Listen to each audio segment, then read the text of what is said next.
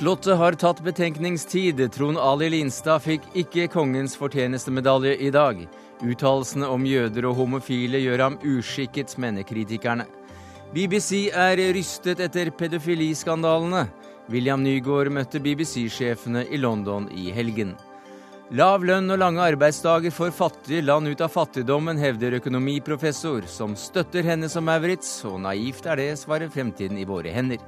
Og det er ikke rullestolen sjefene skal ansette, men personene i rullestolene, sa advokat Geir Lippestad til regjeringen i dag.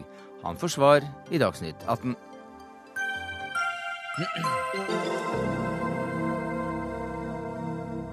Det er noen av sakene i Dagsnytt 18 denne tirsdagen, der vi også får besøk av den prisbelønte italienske forfatteren som altså brukte Valraff-metoden som arbeidssøker gjennom Sahara til Italia.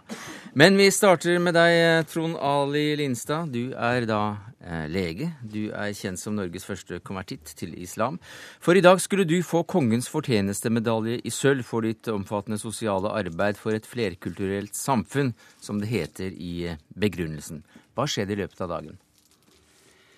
Ja, det har skjedd ganske mye. Aller først vil jeg jo si at eh, du sier at det var jeg som skulle fått denne medaljen, og det er for så vidt riktig, men det er bare en delvis sannhet. fordi jeg oppfatter at denne medaljen går til dette teamet og disse folkene som er med og drar lasset ned på Grønland og lager et spennende flerkulturelt og flerreligiøst senter. Hvis dere får det i det hele tatt. Men hva skjedde i løpet av dagen? Vi hadde jo lagt opp til en stor fest i Nationaltheatret med, eh, film, med fremvisning av eh, mm, spennende teaterstykke der nede, og våre barn hadde gledet seg veldig. Vi har jo mange barnehager, eh, flerkulturelle sådanne. Voksne hadde gledet seg. Så fikk vi høre at eh, teatret av sikkerhetssyn fant det vanskelig å gjennomføre det arrangementet, så det måtte da kanselleres. Hvorfor uh, fant de det vanskelig? Egentlig burde du kanskje spørre dem, jeg syns det var beklagelig. Men så vidt jeg har forstått, så forventet de kanskje at det kunne bli noen demonstrasjoner, at det kunne kanskje bli uro. Og da de ikke hadde noe sikkerhetstiltak som kunne møte og ivareta dette, så fant de det, så vidt jeg forstår, mm. ikke ønskelig å gjennomføre dette, men kansellerte det. Det var altså selveste ordfører Fabian Stang som skulle overrekke medaljen til, til deg, men uh, trakk seg, og seremonien ble altså da først flyttet fra Nationaltheatret til uh, Urtehagen, uh, der du er en drivende kraft på Grønland i Oslo, og deretter utsatt på ubestemt tid fordi Slottet ba om betenkningstid. Hva synes du om akkurat det siste? Jo, jeg forstår Slottet. De meddelte meg at de har fått ganske mange kommentarer, et ganske stort uh, trykk på seg, uh, for å få en begrunnelse, nærmere begrunnelse for at uh, jeg og Urtehagen og dette flerkulturelle arbeidet skal få Kongens fortjenstmedalje. Så de ønsket litt mer tid til å se gjennom mm. disse kommentarene som er kommet, og det respekterer vi. Og noen av kommentarene er kommet fra folk i Antirasistisk Senter. Kari Helene Partapoli, du er leder for dette senteret, og du er også negativ til at kongen av Norge skal hedre Linstad. Hvorfor det? Altså, for det første så får han jo denne medaljen fordi, uh, for det arbeidet som er gjort, ikke for de uttalelsene som har uh, kommet fram i dag. Og det er jo også veldig trist for barna og alle de forberedelsene som har blitt uh, gjort her.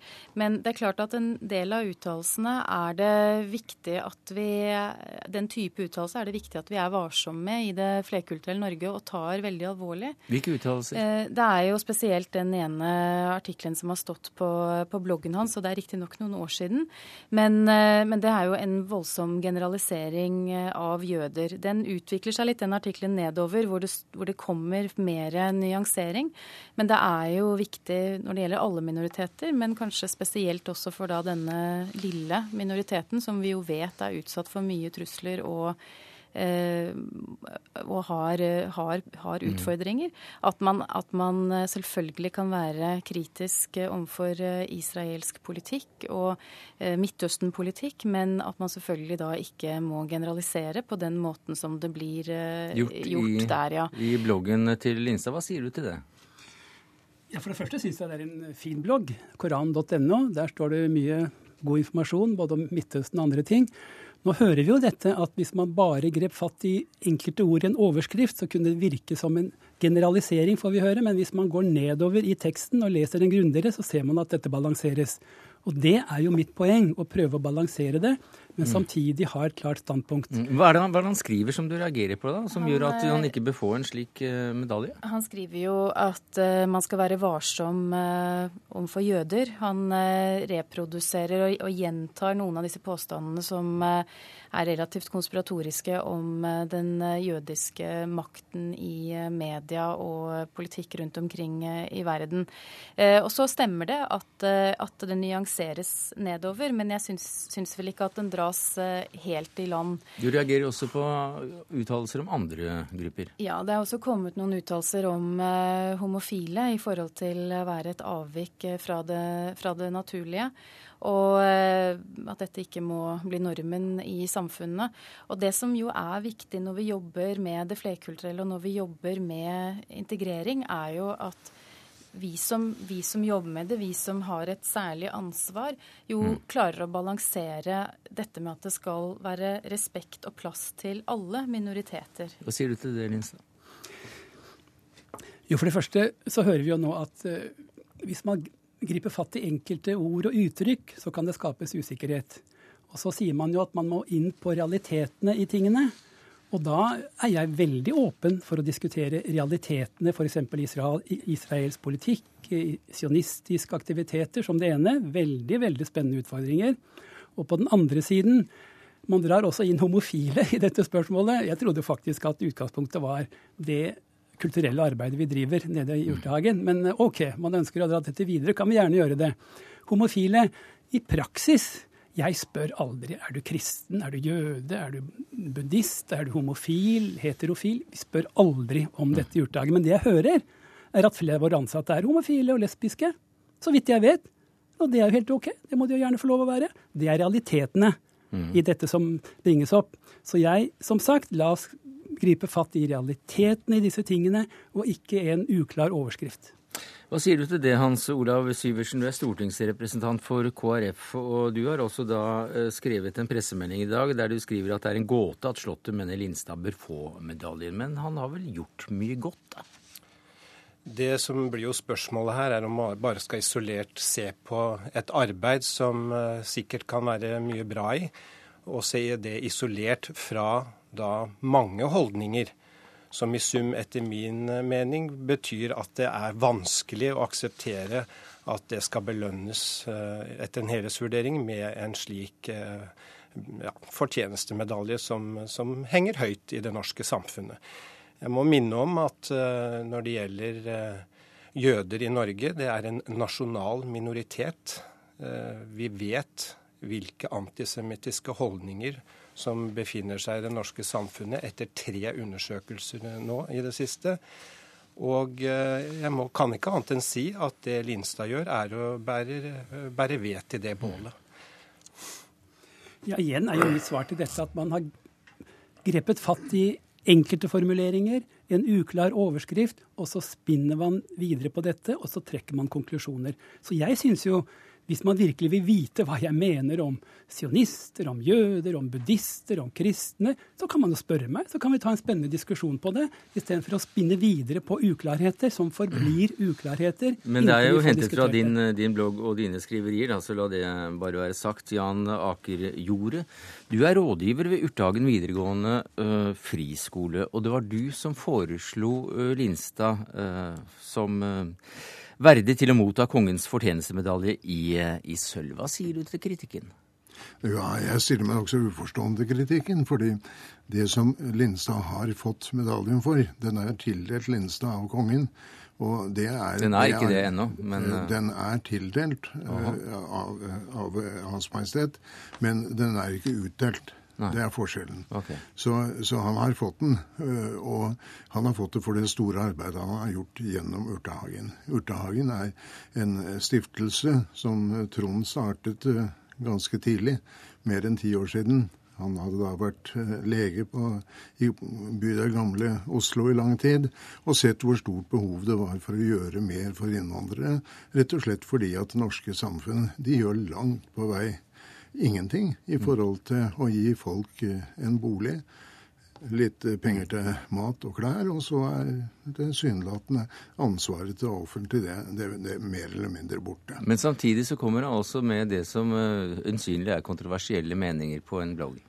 Ja, men altså, han har fått det ut ifra det klare at han har gjort en utmerket og et usedvanlig stort arbeid til beste for innvandrere, for integrasjon, for menneskeverd, for at innvandrere skal kunne bli en del og en fullverdig del av det norske samfunnet. Men vi hører Syversen her si at man må se helheten.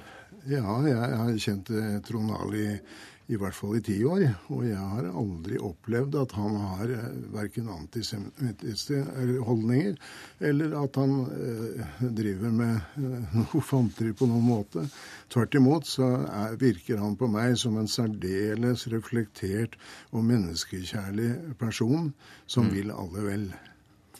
Ja, jeg har og siden Ali Lindstad her oppfordret til det, sett litt på hva som er skrevet eh, fra hans side. Og i sommer så hyllet du jo Khomeini.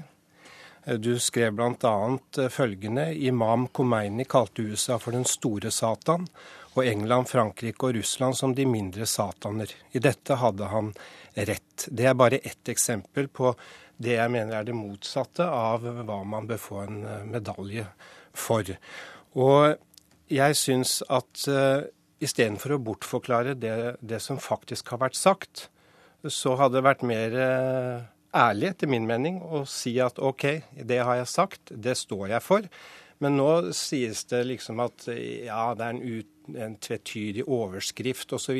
Men hvis du ser sammenhengen i det Linstad har skrevet, og jeg tar ham på alvor, så er det etter min mening i hvert fall på to områder at uh, man kan ut fra normale eh, definisjoner i Europa på hva antisemittisme er, så faller det gjennom på to områder. Det ene er delegitimering av staten Israel. Og jeg hørte deg i dag tidlig på NRK at du fordømte opprettelsen av staten Israel. Og det andre er denne generaliseringen av jøder, at de er et farlig folk. Pass dere for dem. Og da kan man altså ikke få kongens fortjenestemedalje? Jeg mener jo at dette er en feilaktig presentasjon av mine meninger. For det første, dette med å kalle motstandere av sionismen, av den sionistiske, eksklusive staten Israel, for antisemitter, det er et gammelt angrep som vi egentlig burde legge bak oss. Å være antisemitt betyr å tillegge jøder per se særegne, spesielle mer eller mindre evigvarende egenskaper av negativ karakter. Det er jo ikke dette det er snakk om i det hele tatt i dette spørsmålet. Så dette er egentlig et bakholdsangrep på noen som forsøker å forstå problematikken i Midtøsten, prøver å se på staten Israels karakter, hvordan den fungerer i forhold til palestinere, hvordan denne mm. undertrykkingen er bygd opp, og hvordan man kan skape en fremtid hvor jøder, kristne og muslimer kan leve i fred mm. i Palestina. Det er oppfordringen. Hvis dette var et bakholdsangrep, så har du i hvert fall fått eh, lov å forsvare det her i Dagsnytt 18. Takk for at du kom. Det var også da Slottet som eh, som trengte betenkningstid før den ble eh, faktisk fysisk gitt til eh, deg. Slottet takket nei til å komme i Dagsnytt 18 i dag. Medaljen gis etter råd fra fylkesmannen, i dette tilfellet Valgeir Svarstad Haugland, som ikke vil uttale seg om dette, og dessuten så er hun på Cuba. Takk skal du ha, eh, Linstad, Hans Olav Syversen, Jan Akerjordet og Kari Helene Partapoli.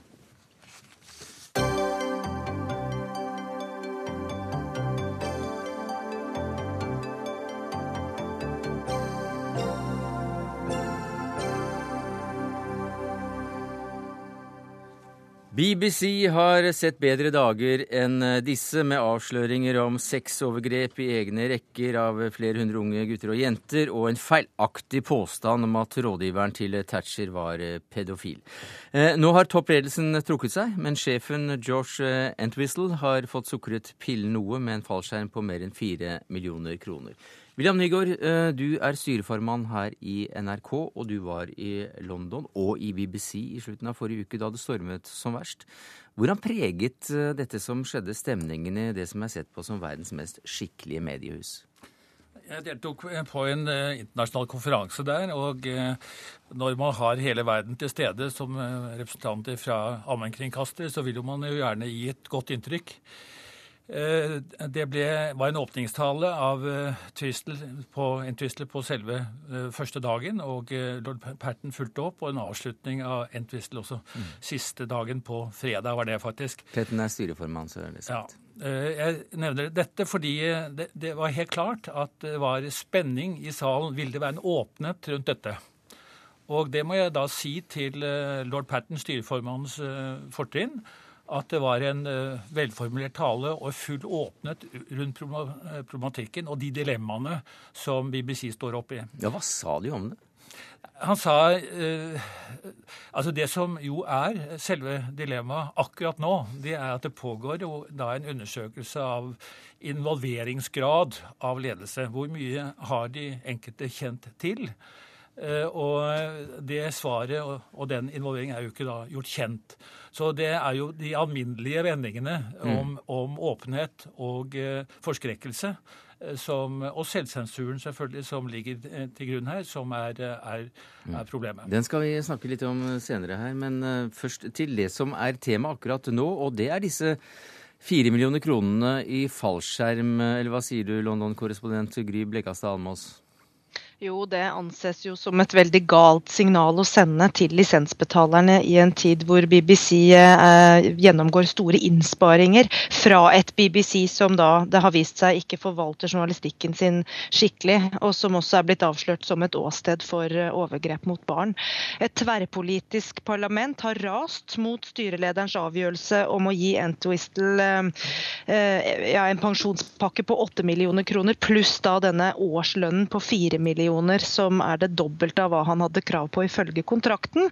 Og det etter bare knappe to måneder i jobben.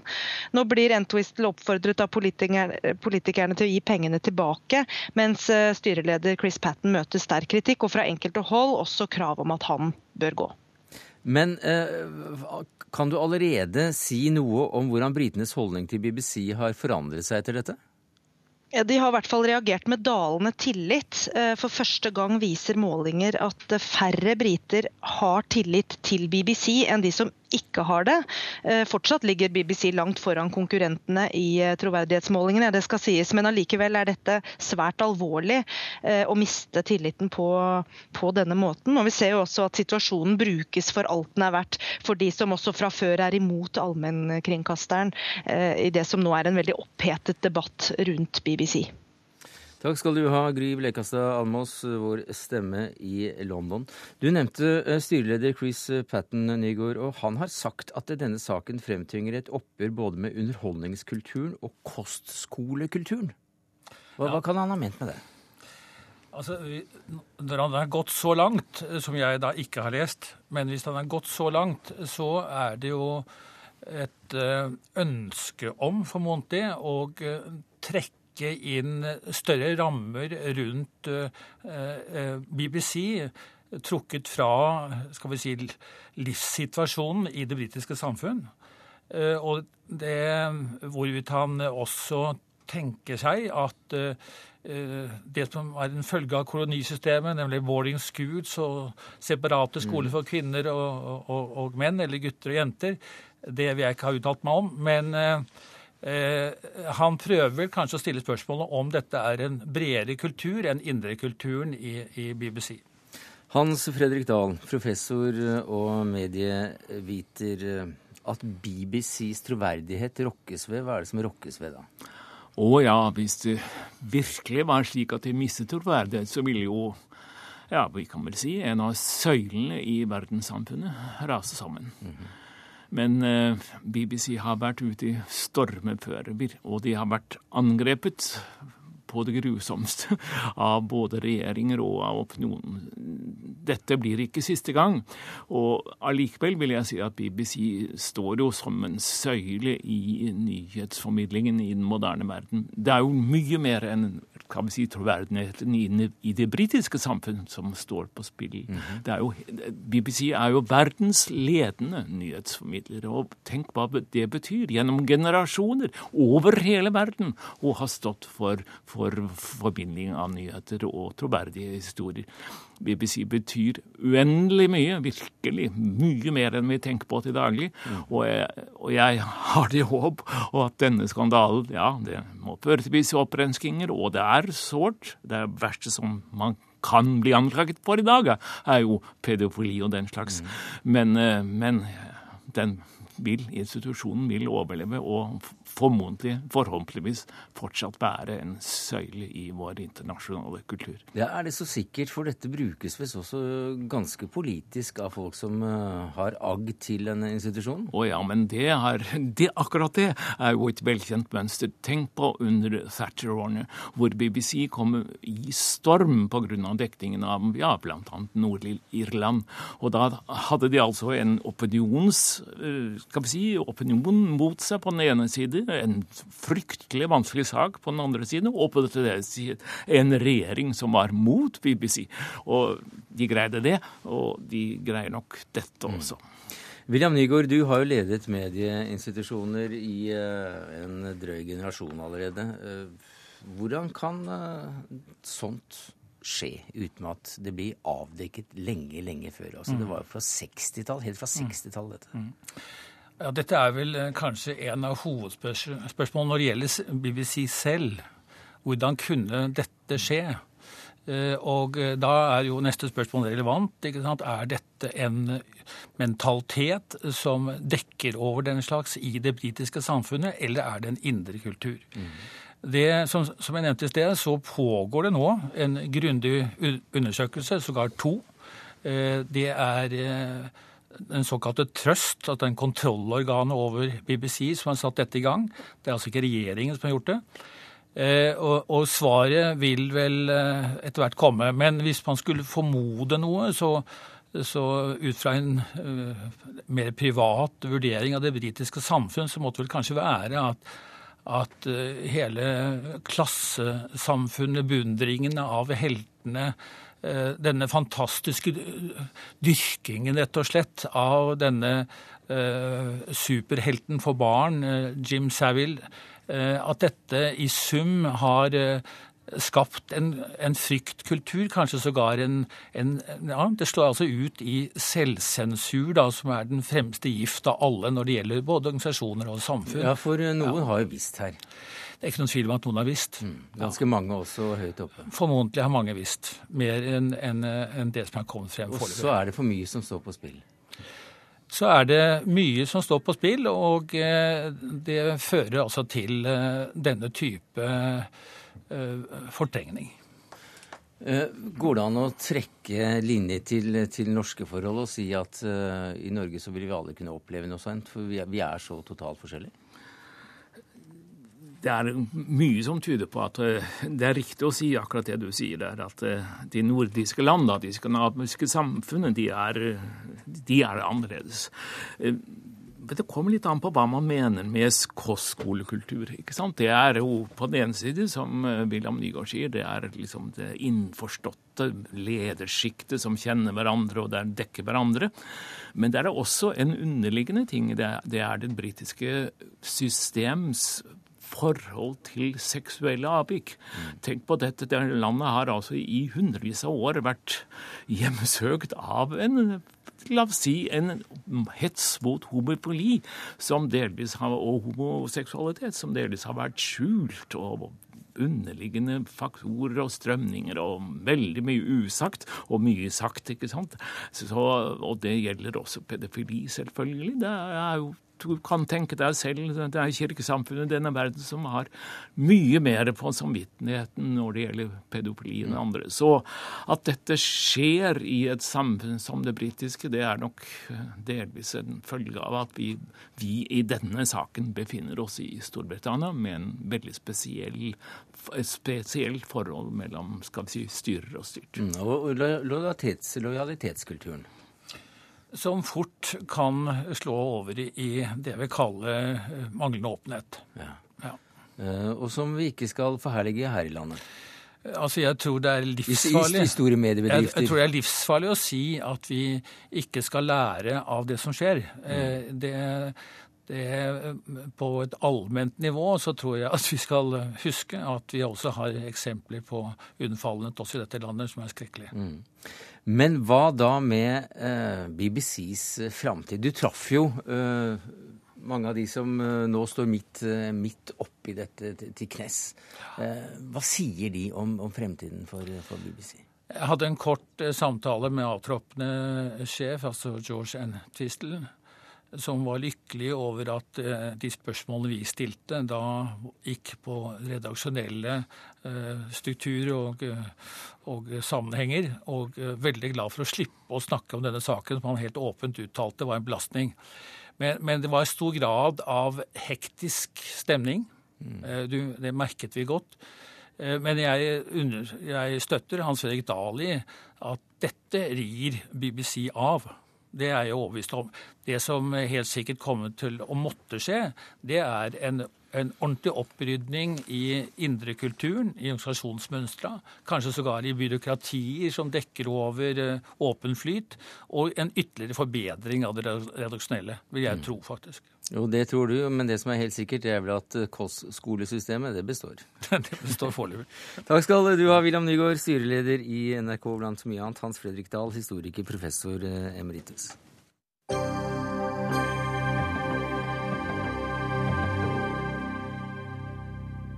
Oslo-politiet foreslår altså et forbud mot å sove i biler under bruer, telt, presenninger eller provisoriske byggverk. Slik skal det bli lettere å jage bort folk som sover ute i byene her i landet.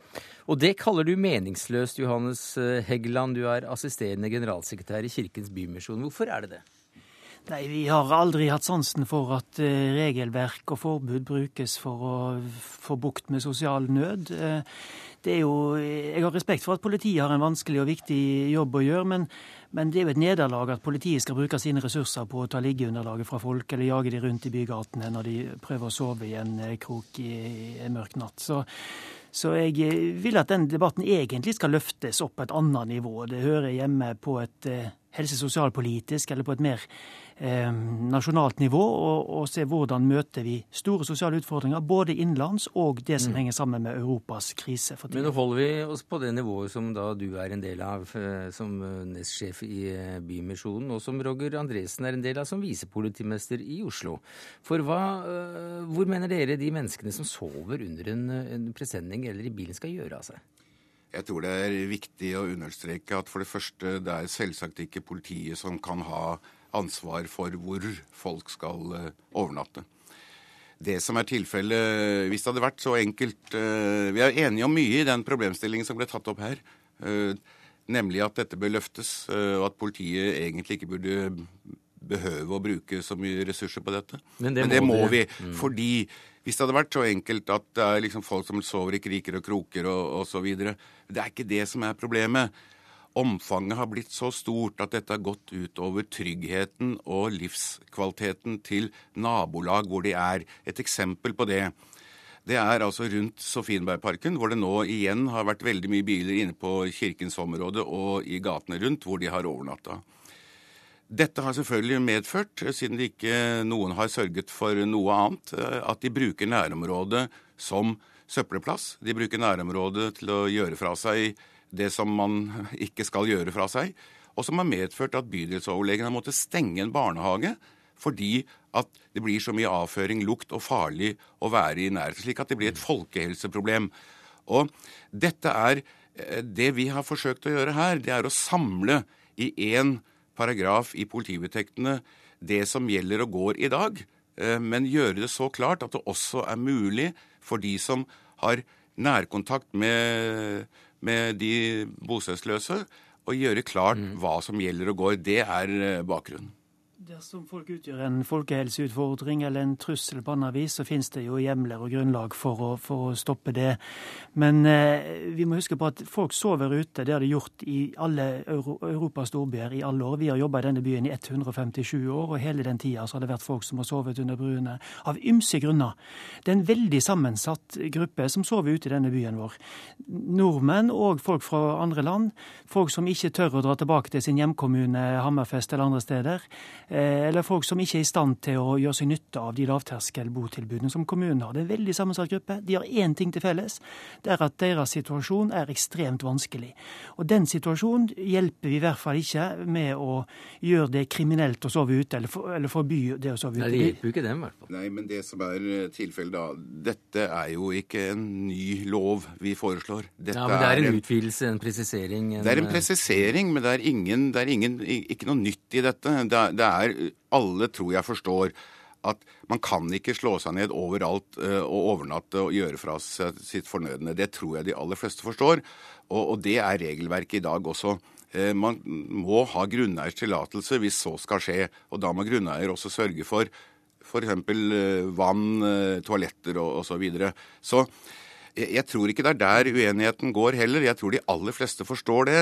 Det som har skjedd uh, gjennom de siste årene, og særlig i år, det er at tilstrømmingen har blitt så stor av bostedsløse fra utlandet, og som gjør at lokalbefolkningen overhodet ikke greier å være i sitt eget nærmiljø. Og Det er det som er eh, også bakgrunnen for at vi er nødt for å klargjøre de reglene som allerede gjelder i dag. Fordi det er riktig som han sier, hvis det søples og og urineres, så kan vi bruke politilovens bestemmelser på det. Dette er et forsøk på å klargjøre det regelverket mm. som finnes. Og nød er nød, enten folk kommer fra Norge eller fra utlandet. Men det vi ofte ser, og som er et problem, det er at de som er mest på utsida, de som de, ja, de som er mye på gata, som sover ute osv. Ofte så blir det politiet som blir sittende med den utfordringen. Hva gjør en i møte med de menneskene? Og jeg er helt enig med, med Andresen i at det at sånn burde det ikke være. Fordi vi burde ha eh, helse- og sosialmyndigheter og vi burde ha andre systemer som ivaretok den sosiale nøden. Men allikevel allikevel så er det altså politiet som da i dag går ut og presiserer, vil ha presisering i uh, forskrifter eller, lovverk. Noe som da, slik uh, Bymisjonen ser det, er med på å forby konsekvensene av sosial nød. Ja, men det, det, det, er jo ikke riktig. Eh, fordi de andre personene som eh, Bymisjonen peker på, de har de tilbudene som eh, de kan ha som norske statsborgere. Slik at det er Og de skaper ikke de utfordringene som vi ser med den store tilstrømningen. Vi har jo ikke foreslått dette for at politiet skal få mer å gjøre. Vi har foreslått dette for at vi på vegne av også det bysamfunnet vi skal tjene, og de beboerne som er her, skal kunne gjøre byen slik at alle kan ferdes her på en uh, trivelig og hyggelig måte. Og Det er det vi prøver å klargjøre i denne bestemmelsen. Og Du skulle vel uh, gjerne sett at det behovet ikke var til stede? Ja, veldig. Og det har vi gjort veldig tydelig klart oppover. Og vi har fått veldig klar beskjed tilbake igjen fra mm. de øverste politiske myndighetene at de forventer at politiet bruker sine hjemler til det ytterste for å rydde opp i den situasjonen. Takk skal du ha, Roger Andresen, visepolitimester i Oslo, Johannes Heggeland, assisterende generalsekretær i Kirkens Bymisjon.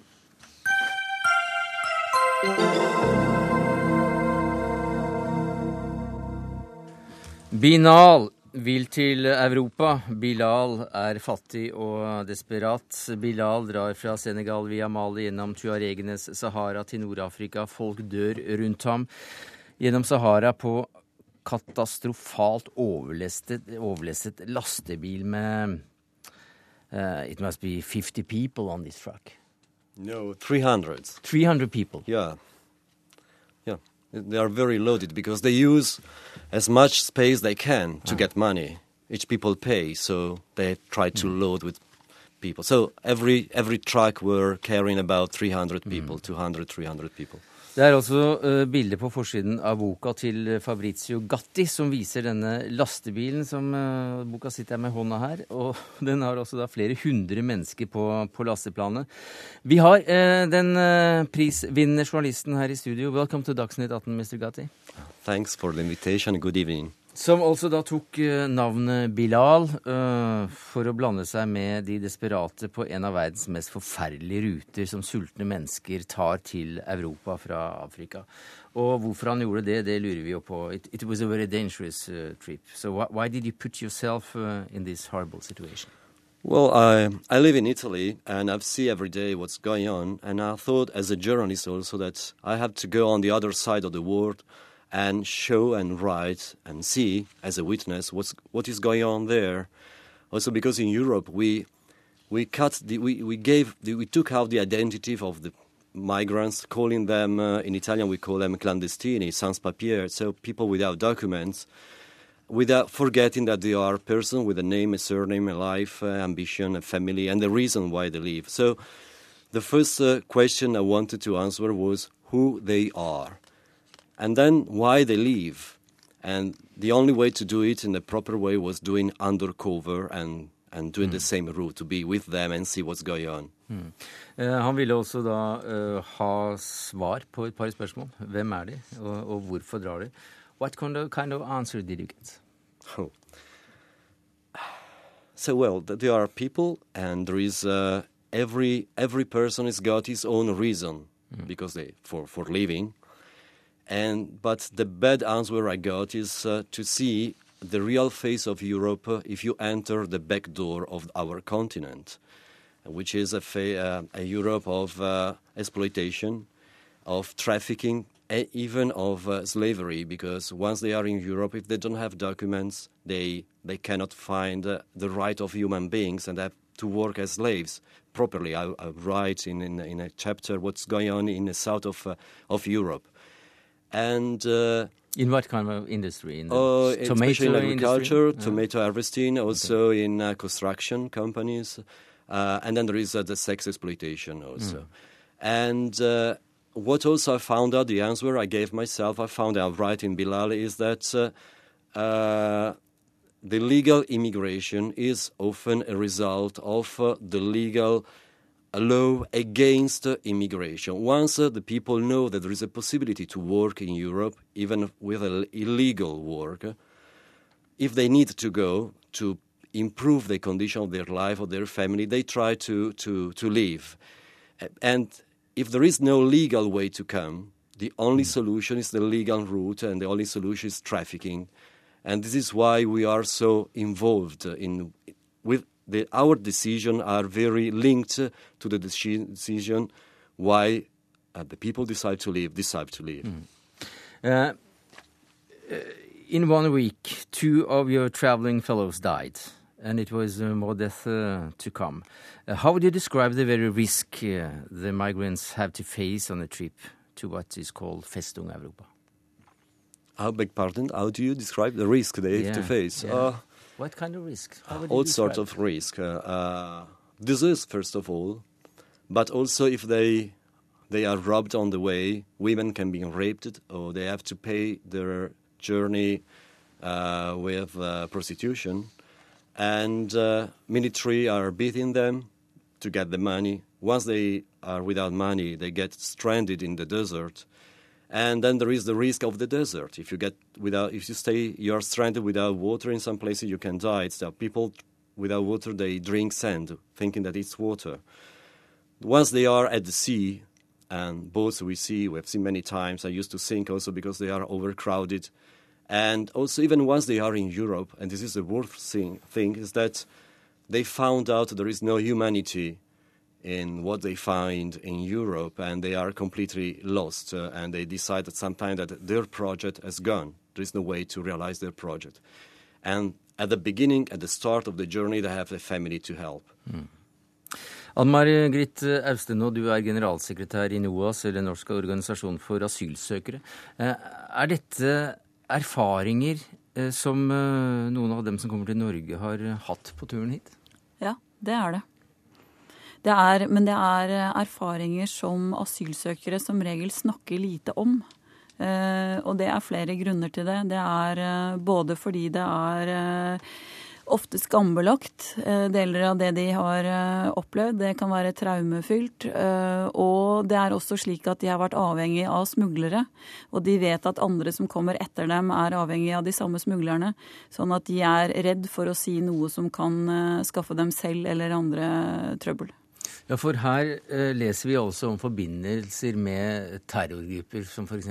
Al Qaida, eh, rene landeveisrøvere, offentlige myndigheter som purk, eh, politi og røvere, og, og, og, eh, og, også da folk som utnytter dem til sextrafikk. Eh, de melkes jo hele veien her.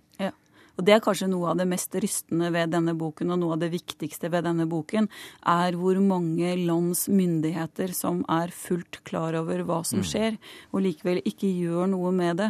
Hvordan han beskriver denne eh, mennesketrafikken som en melkeku for militæret i flere afrikanske stater, og hvordan eh, europeiske myndigheter kan spille videre på dette ved å ha en kombinasjon av tøff eh, asylpolitikk, som han forteller om, og samtidig holde prisene nede ved å vite om en stor svart arbeidsskare som kommer ut av desperasjon. Så dette er en eh, stor industri som mange tjener godt på? Dette er en stor industri. Han gjør noen regnestykker i boka som er ganske rystende over hvor mange millioner euro eh, disse menneskene som i utgangspunktet pantsetter det lille de har og belåner eh, venner og slektninger for å komme seg av gårde, hvor mange millioner euro de eh, genererer av fortjeneste for eh, snyltere langs hele veien. Og det er selvfølgelig livsfarlig også. Var det 1500 som var et tall av de som omkom på slike ruter? Det er eh, FNs høykommissær for flyktninger eh, mente at minst 1500 eh, druknet i småbåter over mm. Middelhavet i fjor. Og de som da druknet i store, det store Sandhavet, er jo da ikke tatt med her. Nei. But reading this book, Bilal, it seems so very matter of factly. At the same time, you describe friendship, loyalty, and the eager to fight for a better life in a beautiful way, according to a review in Dagbladet, a Norwegian newspaper. Uh, these people are described as gold diggers in, uh, in many sense, but not by you. They are uh, our present heroes, and uh, is a epic journey, -huh. and they try to survive, uh, and they are human, and so uh, they express all sort of humanity during the journey, and I don't. This is why they try to have themselves, and uh, when you are on the track, you protect themselves. You try to protect it, but it's also a very individual journey. So everybody knows that sometimes they have to compete each other mm. to to survive all the journey. But uh, you yourself, you, you have a, a, family, and, and doing doing this is uh, is extremely dangerous as a journalist as well. Well, sometimes he looks very dangerous from outside, but once you are inside, you study how, what to do, and you when also when you are undercover and you are you have to be very calm, very cold. you don't find it's dangerous. I think that it's much more dangerous working, dangerous working in construction company, 12 hours a day on uh, on a high construction, or uh, uh, working as a slave without any rights uh, in tomato harvesting. So I think I didn't took such a high risk because uh, I knew what I was doing, and most of the other people, even when once they are in Europe and they think they think that Europe is uh, the land of civil rights, and they, find that there is no right there. So it, this that's much more dangerous for mm. other people. So I don't think that I I was in such a danger. Even if sometimes I met some Al Qaeda members in the desert, or uh, I had trouble with a trafficker because uh, this is a crime organization who mm. organize everything. Det er altså ikke farligere å, å være en slags uh, Gynter Wallraff-journalist på disse turene her enn uh, det er å være en uh, slavetomatplukker i Sør-Italia, uh, sier Fabrizio Gatti, som da mener at de er ikke golddiggers eller snyltere eller lykkejegere, men de er vår tids helter, disse som han reiste sammen med. Fabrizio Gatti, thank you very much. Thanks to you. Ann Margit Austen, og takk til deg som generalsekretær i NOAS, Norsk organisasjon for asylsøkere.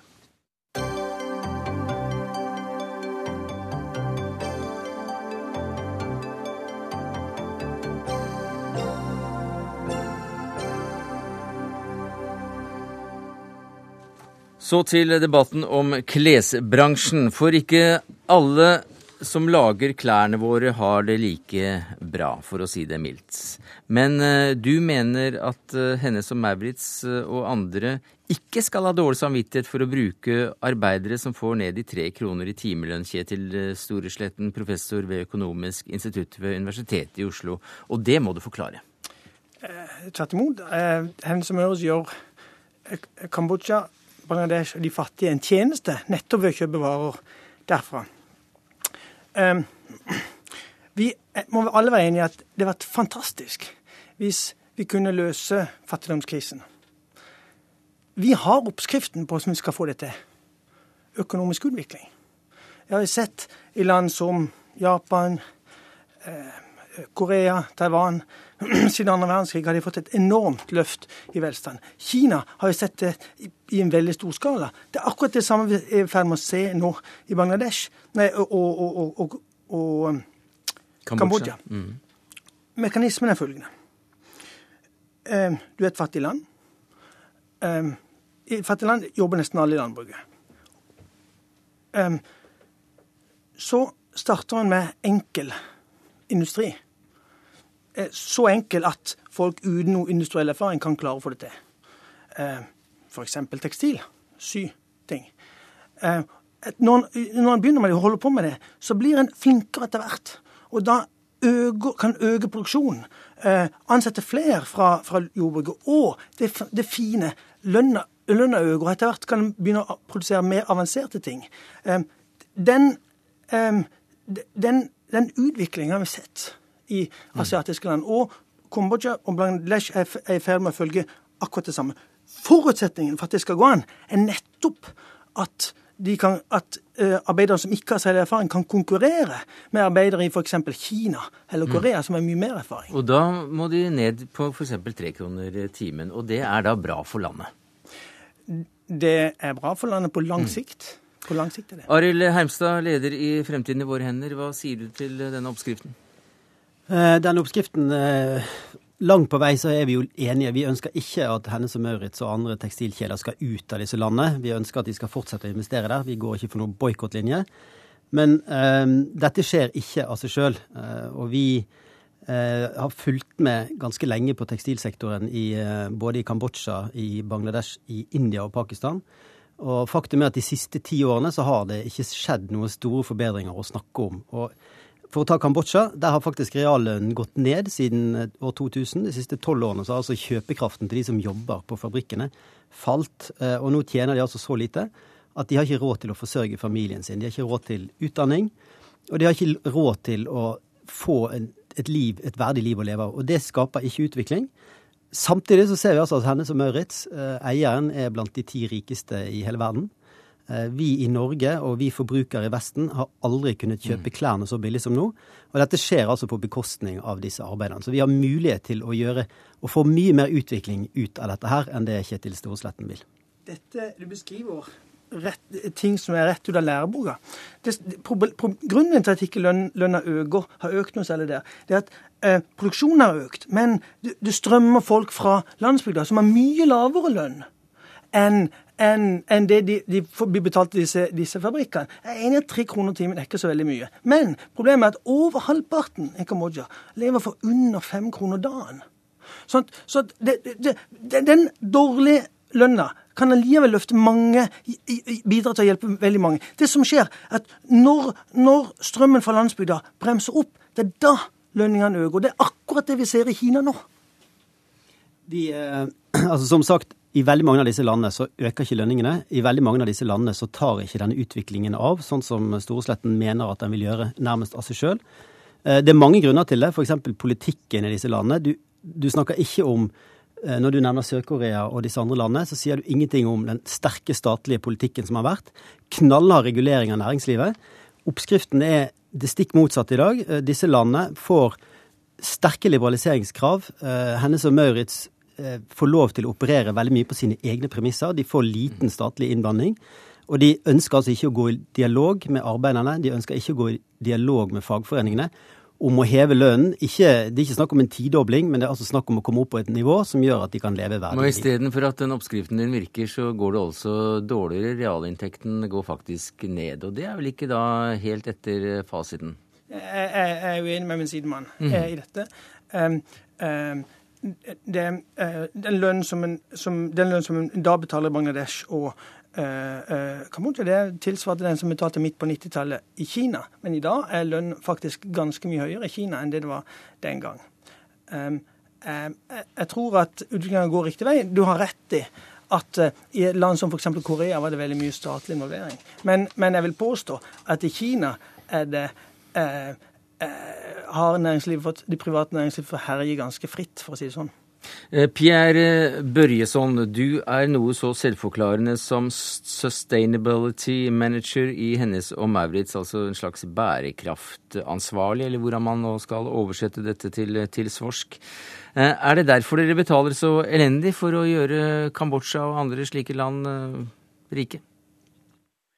Forlåt, ursäkta, hva var frågan sa du? Jeg spør om eh, grunnen til at eh, dere betaler så dårlig som ned til tre kroner timen, at det har en, eh, et sosialt aspekt for henne som Maurits?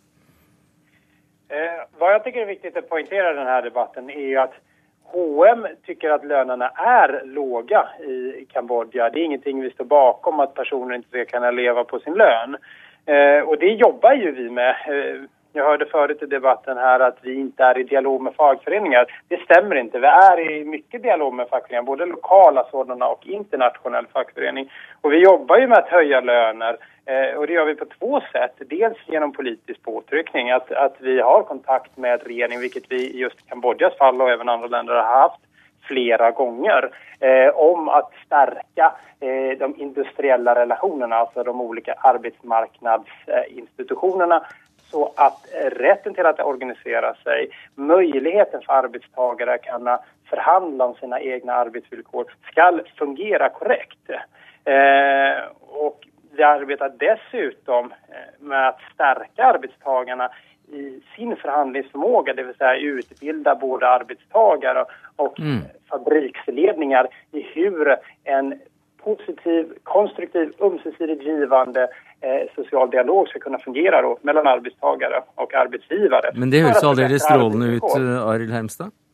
Altså, det, uh, dette høres fint ut, men problemet er at det kommer rapporter om elendige arbeidsforhold. At folk uh, jobber til de besvimer, at de nektes dobesøk, og at de altså har miserable arbeidsforhold. I tillegg til at lønnen er for lav. Og da er spørsmål, uh, Vi kan ikke bare lende oss tilbake og vente på at markedet skal ordne opp, og at vi er nødt til å både trykke på på disse store selskapene. For vi har faktisk råd og mulighet mm. til å gjøre det mye bedre enn det vi gjør. Men Heimstad, Helmstad, nå har du jo da også sjansen for første gang til å snakke med en i ledelsen for Hennes og Maurits på direkten her i Dagsnytt 18. Du fikk jo ikke komme inn på catwalken på en visning som Hennes og Maurits hadde her. Men hva er ditt budskap til han? Eh, vi vil gjerne se åpne leverandørlister. De forteller, at de forteller oss hvilke fabrikker de produserer på i sør. Og så må de da gå for en levelønn istedenfor å holde fast ved at minstelønn holder som lønnsnivå for de fattige arbeiderne. Vil han få det oppfylt av henne som Maurits Pierre Børjesson? Ja, det er to spørsmål angående å se leverandørlisten. Jeg vil først og fremst si at det har aldri vært vår intensjon å dölje arbeidsvilkår når det kommer til vår leverandørsliste. Eh, det är av konkurrensskäl som våra leverantörslista inte är öppen. Vi jobbar jättehårt och investerar väldigt mycket i att bygga dessa leverantörer till att bli bättre i till exempel effektivitet, i kvalitet, mm. att säkra upp kapacitet. Men vi förstår att vi, vi har skickat felaktiga signaler när våra leverantörslista inte är offentlig. Och utav den anledningen så har vi just nu en intern diskussion om, om att se hur vi skulle kunna gå vidare eh, i just den frågan. När det kommer till lönefrågan så arbetar vi just nu för att eh, arbetstagare ska kunna leva på sin lön. Att ha då ett drägligt leverne och det gör vi precis som mm. jag sa genom att påverka politiskt och att utbilda arbetstagare så de har fackföreningsmöjlighet, eh, möjlighet att förhandla, möjlighet till kollektivavtal och kunna mm. påverka mm. alla sina arbetsvillkor där lön är en mycket viktig fråga, men det är många frågor där till också som är viktiga. Takk skal du ha, Pierre Børresson, eh, Sustainability Manager i Hennes og Maurits, Kjetil Storsletten, professor ved Økonomisk institutt ved Universitetet i Oslo, til Are Hermstad, leder i Fremtiden i våre hender.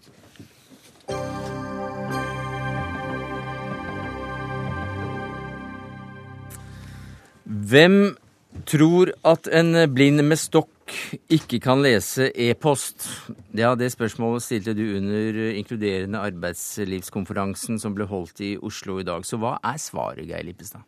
De kan lese e-post og mail og SMS-er akkurat som alle andre ved hjelp av enkle, enkle eh, hjelpemidler eh, som faktisk fins på en iPhone i dag. Så det, det handler om å, å se mulighetene eh, til mennesker med nedsatt funksjonsevne, og ikke, ikke, problemene. Det var mitt budskap i dag. Ja, hvorfor sa du det? Jo, fordi eh, det som er en utfordring, det er at veldig mange mennesker med nedsatt funksjonsevne får ikke jobb. Man setter ofte likhetstegn mellom nedsatt funksjonsevne og nedsatt arbeidskraft og arbeidsevne, og det er ikke riktig. Svært mange har høy utdannelse, mye kunnskap, og, og ved hjelp av enkle eh, tilrettelegging kan gjøre en helt strålende jobb, og det må vi sette søkelys på.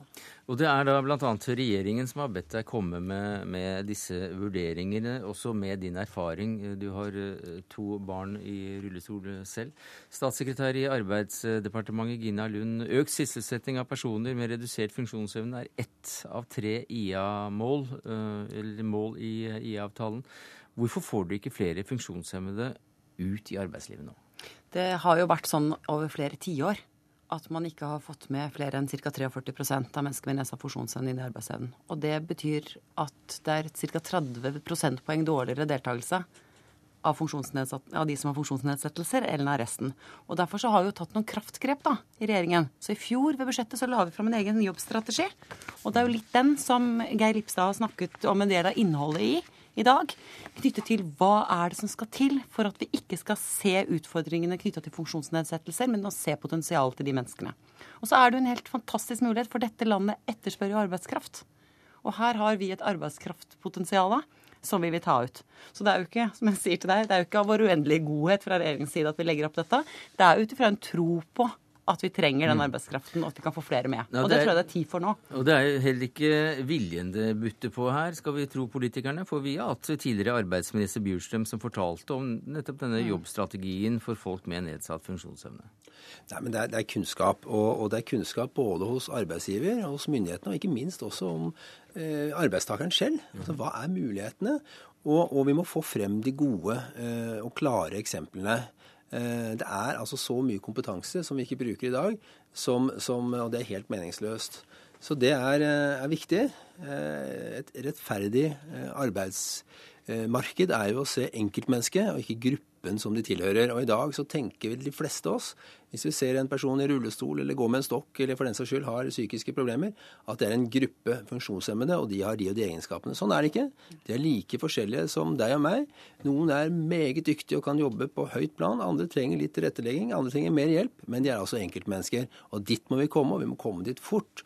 For da eh, får vi et helt annet arbeidsliv med mye mer kompetanse. IA-avtalen er altså et samarbeid for et inkluderende arbeidsliv mellom eh, partene i arbeidslivet og regjeringen. Hva er den viktigste tingen du kan si til de som jobber nå fram denne, disse ulike strategiene, for å få fortgang i det? Jeg tror for det første at det er viktig med en ny IA-avtale den går ut i 2013. At man inngår en ny IA-avtale, for den sier noe om, om målene man staker ut fremover.